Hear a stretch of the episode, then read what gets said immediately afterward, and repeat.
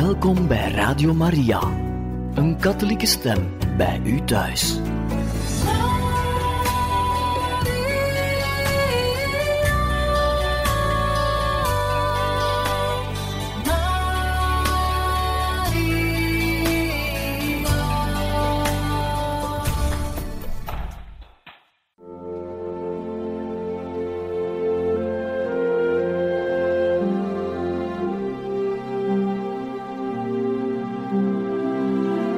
Beste luisteraars van Radio Maria, welkom bij het programma Catechismus. Een overweging bij de geloofschat van de kerk.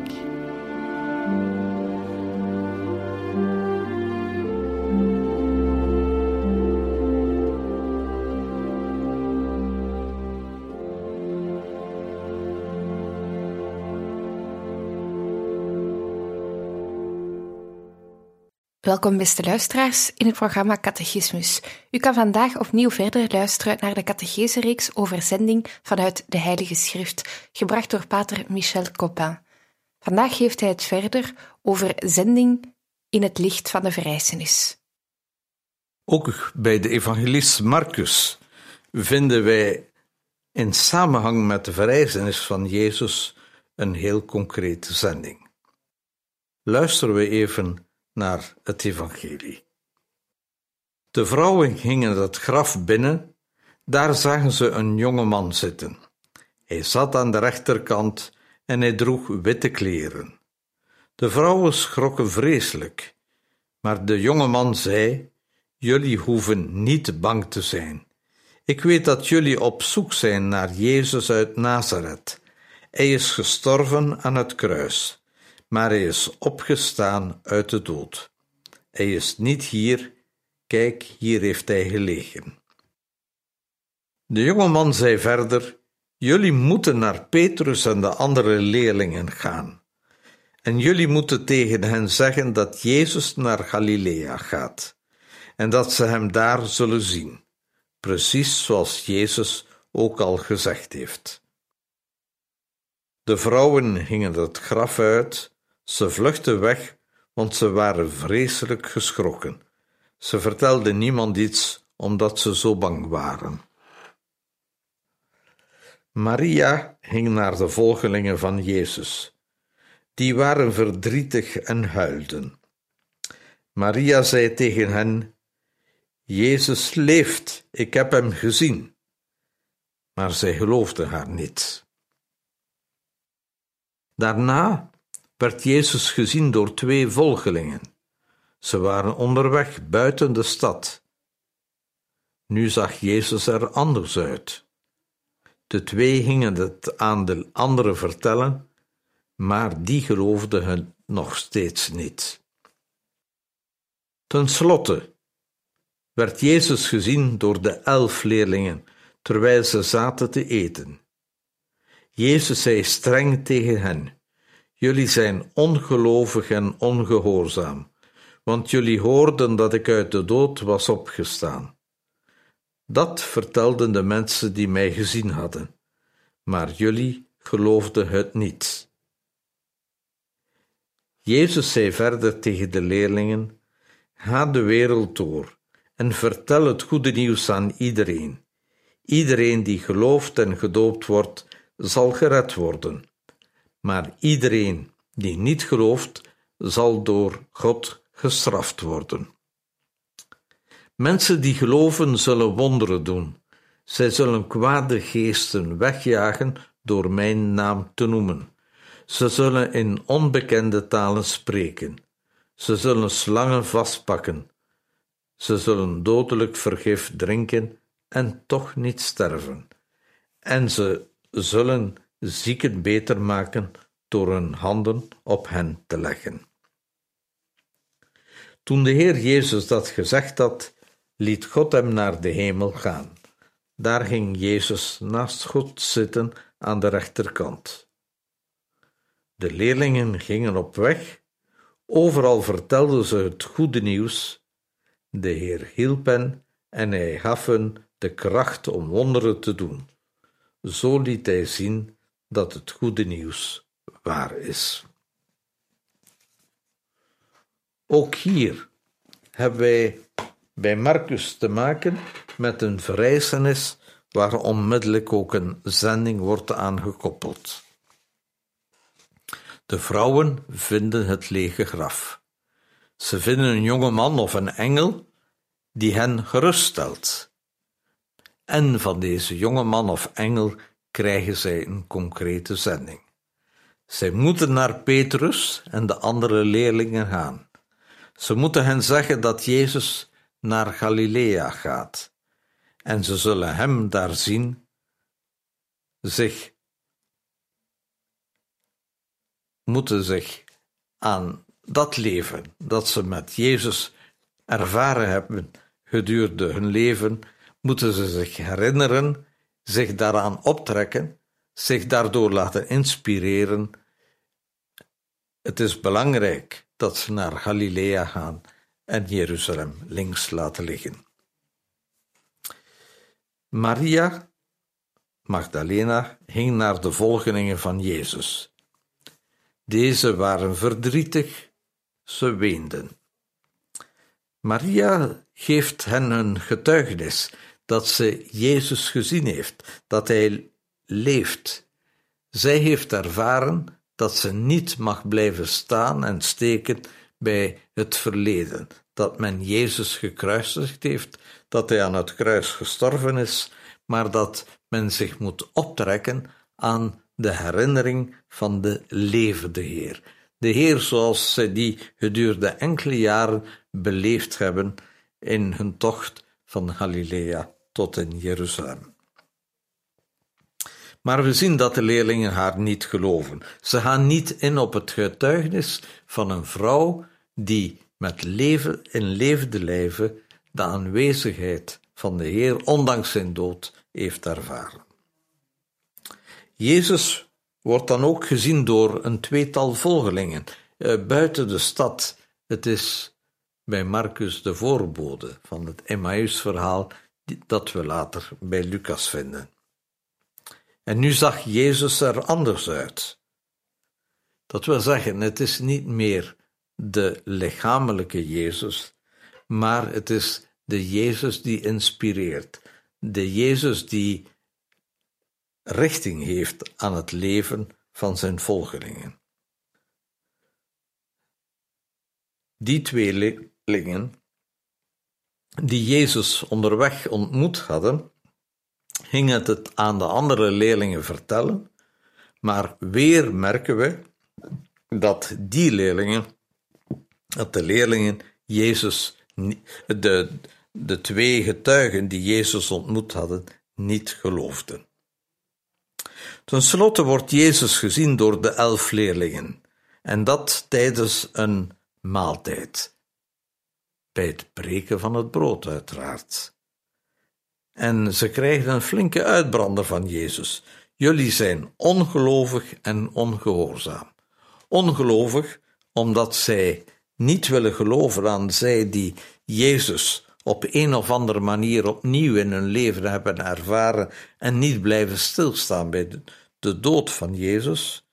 En ongehoorzaam, ze hebben van Jezus een zending gekregen en zij willen die niet beleven. Ze hebben schrik, zij sluiten zich op. Jezus verwijt hen dat ze niet geloofden in de getuigenis van de mensen die Jezus gezien hadden. Het gaat er om: is men bereid Jezus in zijn volheid te zien, of gaat men ervoor op de vlucht en wil men hem en zijn volheid van leven niet zien? We zien dat ook hier de leerlingen van Jezus de opdracht krijgen het goede nieuws te vertellen.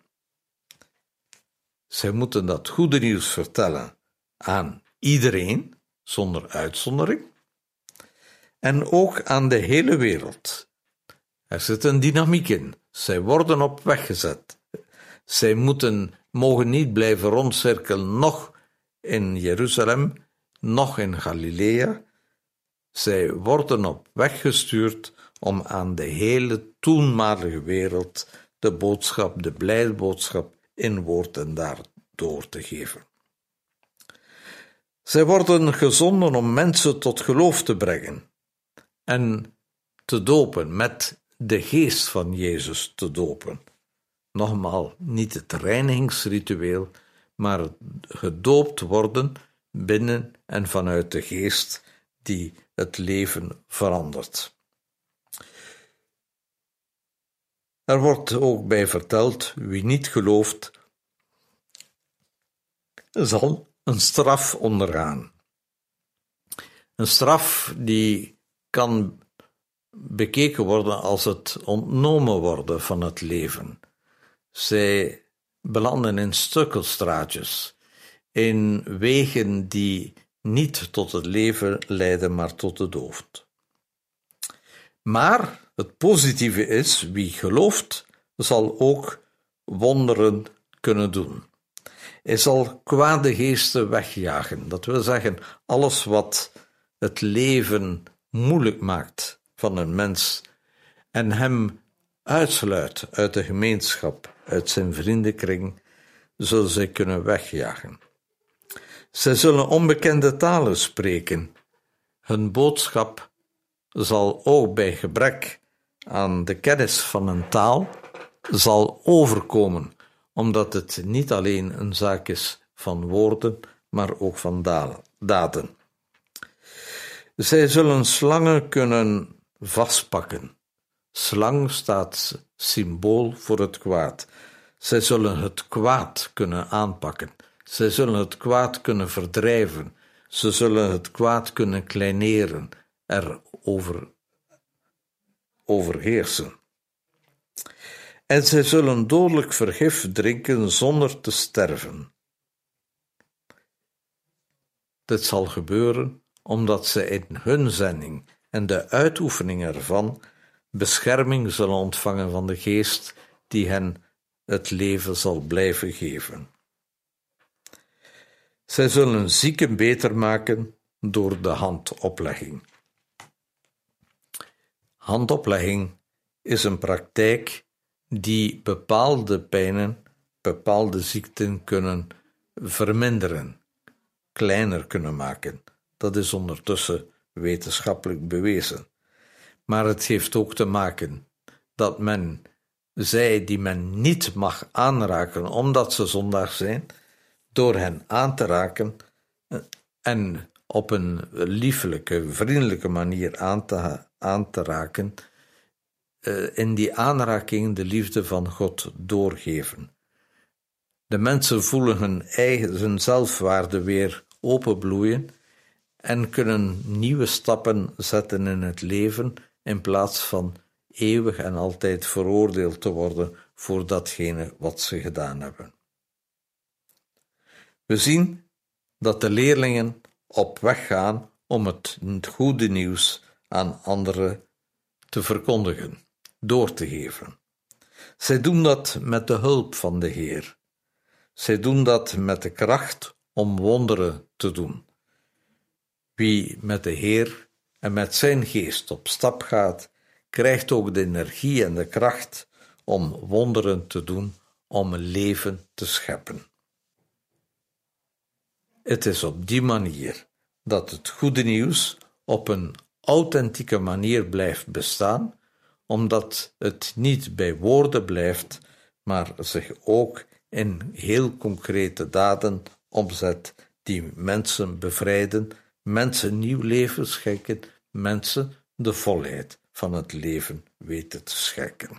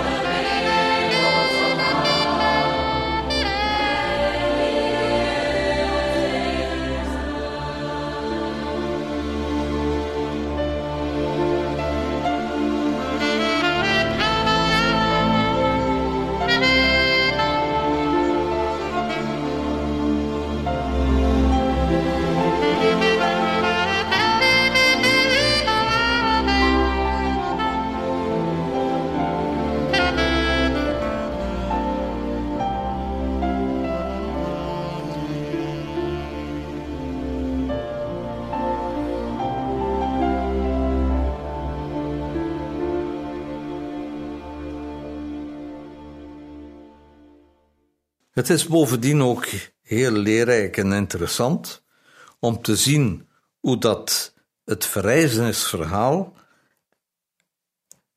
samenhangt met een zending als we te raden gaan bij het evangelie van Lucas. In Lucas 24 lezen wij het volgende. De vrouwen gingen terug naar de stad. Het waren Maria uit Magdala, Johanna en Maria, de moeder van Jacobus, en nog een paar andere vrouwen. Ze gingen alles vertellen aan de elf leerlingen en aan de andere leerlingen die bij hen waren. Maar de leerlingen vonden het verhaal van de vrouwen maar onzin. Ze geloofden het niet. Alleen Petrus stond op en rende naar het graf. Daar bukte hij zich en keek naar binnen. Hij zag alleen de, de doeken liggen. Toen ging hij terug. Hij was erg verbaasd over wat er gebeurd was. De vrouwen die naar het graf gaan, vinden er twee engelen, die hen, het lijden, die hen de lijdensvoorspelling en de verrijzenisvoorspelling aan hen doen tot herinnering brengen. Zij laten iets uit het verleden naar boven borrelen, zodat de vrouwen kunnen zien waar het op aankomt. De vrouwen luisteren naar die engelen en ze verstaan bovendien deze woorden. Ze keren naar de stad terug om de leerlingen deze ervaring te vertellen. Ervaring dat ze niet mogen blijven stilstaan bij de dood van Christus, maar wel bij de inhoud en de daden die hij achtergelaten heeft in hun herinnering. Maar we zien dat de leerlingen hun getuigenis als onzin beschouwen. Zij hechten er geen geloof aan. Petrus twijfelt aan aan zijn en hun ongeloof. Hij herinnert zich ook de woorden en laat en hij gaat kijken, kijken naar de plaats waar Jezus is, heeft gelegen en is verwonderd. Een beetje verder zien wij de getuigenis van de twee leerlingen van Emmaus.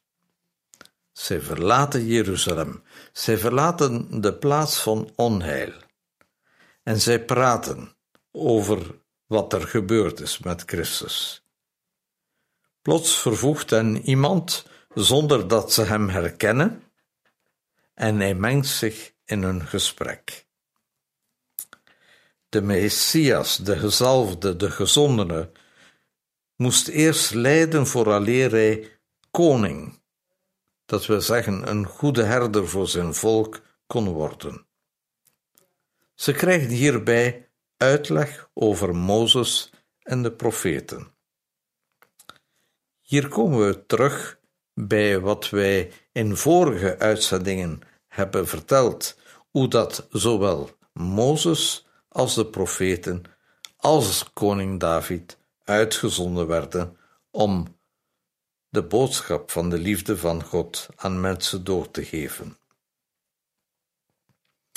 Wij zien dat de leerlingen, die twee leerlingen die op tocht gaan, Jezus hun gastvrijheid aanbieden. Dat wil zeggen, ze staan open voor zijn verhaal. Ze staan open voor datgene wat hij met hen wil delen. En wanneer hij bovendien God dankt en het brood breekt en het deelt met hen, gaat er bij hen een lichtje branden. Er gebeurt iets in het hart van die leerlingen. Ze ontdekken op een nieuwe manier de levende Christus. Er komt geloof in het feit dat Jezus wel moet blijven leven, blijven bestaan. Zij geven op hun beurt getuigenis van deze ervaring aan de leerlingen. maar de leerlingen hebben er moeite mee om hen te verstaan, hen hun getuigenis, hun ervaring te verstaan. In een later stadium zien we dat ook Jezus weer tot leven komt bij de leerlingen.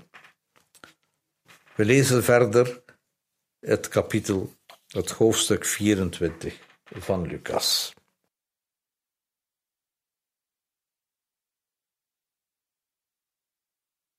Terwijl de leerlingen met elkaar aan het praten waren, stond Jezus plotseling bij hen.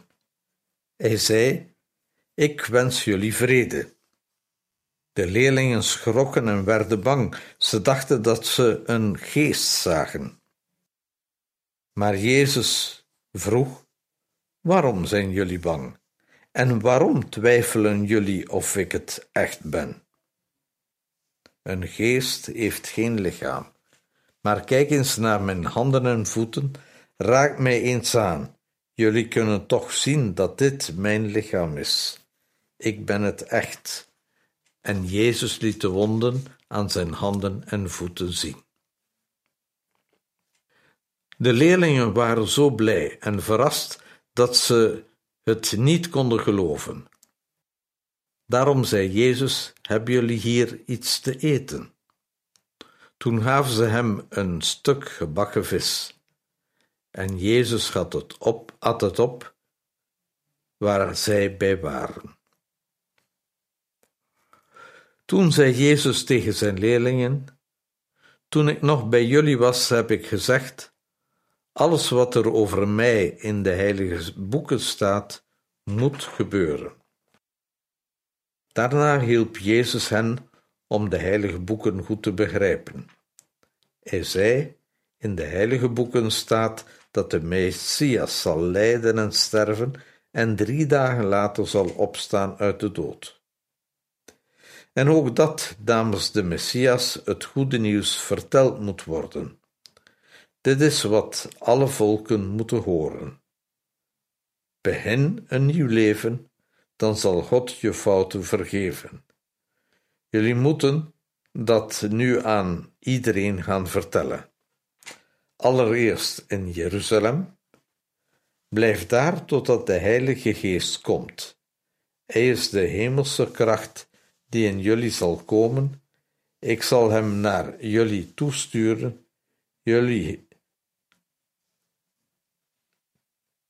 Ik zal hem naar jullie toesturen, zoals mijn vader jullie beloofd heeft. De getuigenis komt er ook doordat Jezus zijn leerlingen ontmoet. Hij spreekt over de heilige boeken en de inhoud daarvan komt weer tot leven. Zijn zending, de inhoud van zijn zending, krijgt weer een plaats in de herinnering van zijn leerlingen. Ook de opdracht dat namens de Messias, namens de gezalfde, het goede nieuws moet verteld worden. Weerom aan alle volken. Er moet een nieuw leven komen doorheen de vergiffenis van zonden. Te beginnen in Jeruzalem, waar ze de Heilige Geest zullen ontvangen. Men moet bij Lucas het lijden niet niet ontlopen. Men mag gerust in het gevaarlijke Jeruzalem, of men moet zelfs in het gevaarlijke Jeruzalem aanwezig blijven, omdat ze daar de kracht zullen ontvangen om zelfs die problemen, die angsten te overwinnen.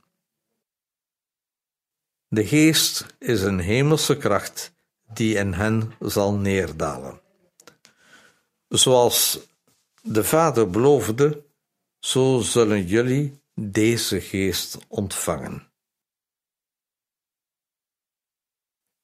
Wij zien dat de leerlingen vervolgens naar de tempel van Jeruzalem trekken om Jezus te eren en God te danken.